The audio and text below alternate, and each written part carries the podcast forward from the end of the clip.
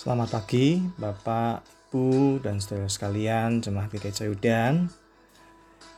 Tentu harapan kami semua saat ini saudara-saudara baik-baik saja dan tetap bersemangat meskipun di tengah keadaan yang seperti sekarang ini.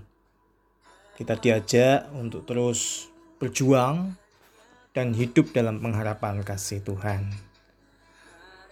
Mari kita mengawali hari kita dengan membaca firman Tuhan dari 1 Petrus 1 ayat 23 sampai dengan 25. Demikian bunyi firman Tuhan. Karena kamu telah dilahirkan kembali bukan dari benih yang fana, tetapi dari benih yang tidak fana, oleh firman Allah yang hidup dan yang kekal. Sebab semua yang hidup adalah seperti rumput, dan segala kemuliaannya seperti bunga rumput. Rumput menjadi kering dan bunga gugur. Tetapi firman Tuhan tetap untuk selama-lamanya. Inilah firman yang disampaikan Injil kepada kamu. Amin. Identitas diri Pernah dalam sebuah pertemuan gereja, saya diminta untuk memperkenalkan diri lalu saya berkata, "Nama saya Lukas, saya melayani sebagai pendeta di GKI Coyudan Solo." Saya kira perkenalan itu tentu saja tidak salah. Karena memang nama saya Lukas dan saya melayani sebagai pendeta di GKI Coyudan Solo. Tetapi saudara-saudara kalau saya pergi ke luar negeri, Lalu ada orang bertanya, "Siapa saya?" Tentu saya menjawab dengan kalimat yang berbeda. Saya akan menjawab, "Saya Lukas, saya berasal dari Indonesia." Dan akan menjadi berbeda lagi ketika di dalam sebuah pertemuan orang tua murid di sekolahan, saya tentu akan menjawab, "Saya Bapak Lukas, orang tua dari Edward." Nah, Memang tidak ada satupun jawaban di atas yang salah. Tetapi pernahkah kita bertanya kepada diri kita sendiri akan jati diri kita di hadapan Tuhan? Siapakah saya di hadapan Tuhan? Dan bagaimana kita memperkenalkan diri kita kepada Tuhan? Melalui surat 1 Petrus 1 ayat 23 sampai 25, Rasul Petrus menegaskan kepada jemaat bahwa kehidupan kita sebagai umat Tuhan itu memiliki identitas, yaitu sebagai orang yang pertama dilahirkan kembali dari benih yang hidup dan yang kekal, yaitu firman Tuhan. Setiap orang yang lahir ke dalam dunia dari semula memiliki kecenderungan untuk berbuat dosa. Pikirannya mengarah pada hal yang buruk Niat hatinya dipenuhi kemarahan, iri hati, kebencian, dan berbagai perasaan negatif lainnya. Bahkan terkadang orang menyimpan kemarahan itu dan dilontarkan kepada orang yang sedang ingin berbuat baik kepada kita. Itu kecenderungan dosa manusia lama yang dikejar adalah dosa perasaan-perasaan negatif, tindakan-tindakan yang buruk. Sekalipun ada kesulitan di dalam melakukan kejahatan, tapi manusia lama akan mendorong kita untuk mencari cara bagaimana melakukan kejahatan yang penting demi menguntungkan kepentingan diri kita sendiri. Itu manusia lama. Tetapi orang yang mengalami lahir kembali menjadi manusia yang baru, pikiran dan perasaannya tidak lagi diatur oleh kecenderungan berbuat dosa, tetapi lebih bahwa pikiran dan perasaannya itu diatur oleh panduan firman Tuhan dalam hidupnya. Misalkan manusia lama cenderung dendam, tapi orang yang menjadi manusia baru akan belajar untuk mengampuni. Karena itulah firman Tuhan. Supaya ia mengampuni karena sudah diampuni. ada kecenderungan dalam hatinya untuk tetap tunduk pada firman Tuhan, walaupun mungkin sulit bagi dia untuk melakukannya. Manusia lama mudah sekali marah meluapkan emosi dengan kata-kata yang kotor. Tapi manusia baru akan menahan lidahnya karena dia tahu bahwa lidah ini dapat dikendalikan oleh si jahat. Jikalau kita tidak mengendalikannya. Manusia baru akan lebih memilih untuk bersandar pada firman Tuhan. Diam dan berdoa.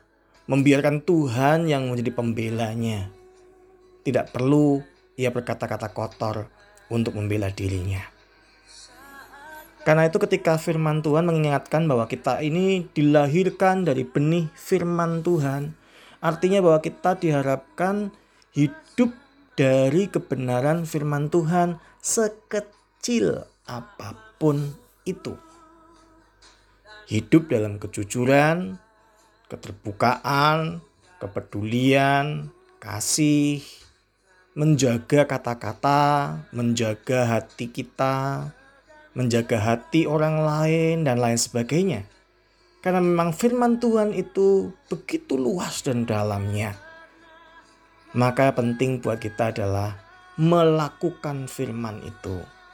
Itulah tanda seorang lahir baru, menjadi manusia yang baru. Ia hidup berdasarkan dari firman Tuhan.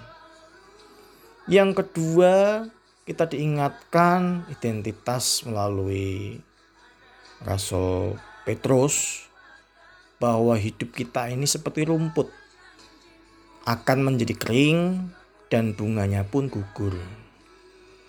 Kita harus menyadari bahwa diri kita ini makhluk fana. Ada batas waktu hidup kita ada waktu expired dan mengalami kematian. Keindahan, kebanggaan apa pun akan gugur menghadapi kematian. Rasanya tidak enak sekali ya mendengarnya ya. Pesimis, tidak ada harapan. Tetapi tidak selesai sampai di sana. Firman Tuhan juga katakan bahwa firman Tuhan ya yang akan tetap untuk selama-lamanya.